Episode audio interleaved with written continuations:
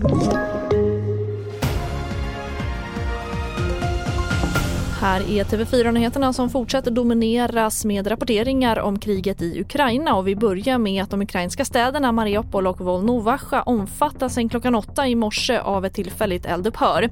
Men kommunfullmäktige i Mariupol uppger att ryska styrkor inte följer vapenvilan. Det här rapporterar Reuters. 200 000 invånare väntas evakuera från de hårt krigsdrabbade områdena enligt Ukrainas vice premiärminister.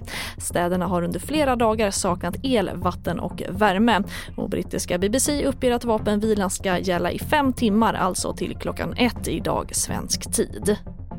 Och Finlands president Sauli Niinistö besökte igår Vita huset för ett möte med USAs president Joe Biden.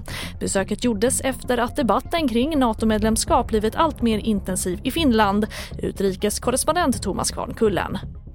Det snabbt planerade mötet för Finlands president här i Washington har väckt frågor om det var ett möjligt NATO-medlemskap som skulle diskuteras.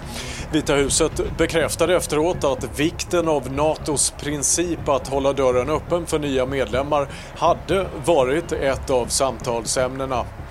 President Niinistö kommenterade samtidigt ett eh, eventuellt eh, NATO-medlemskap i en intervju med amerikanska Fox News då han sa att man nu tittar på riskerna och fördelarna och att man gör det på ett effektivt sätt så snart som möjligt.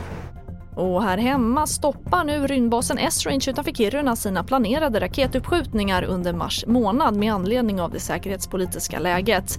Det svenska rymdbolaget SSC säger till Ekot att de inte vill riskera att Ryssland tolkar raketuppskjutningarna som en provokation.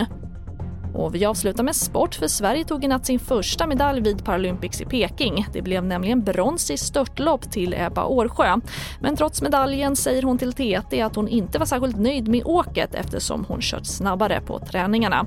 Kanadensiskan Molly Jespen tog guldet och det här får avsluta sändningen. Fler nyheter hittar du alltid på vår sajt tv4.se. I studion nu Charlotte Hemgren.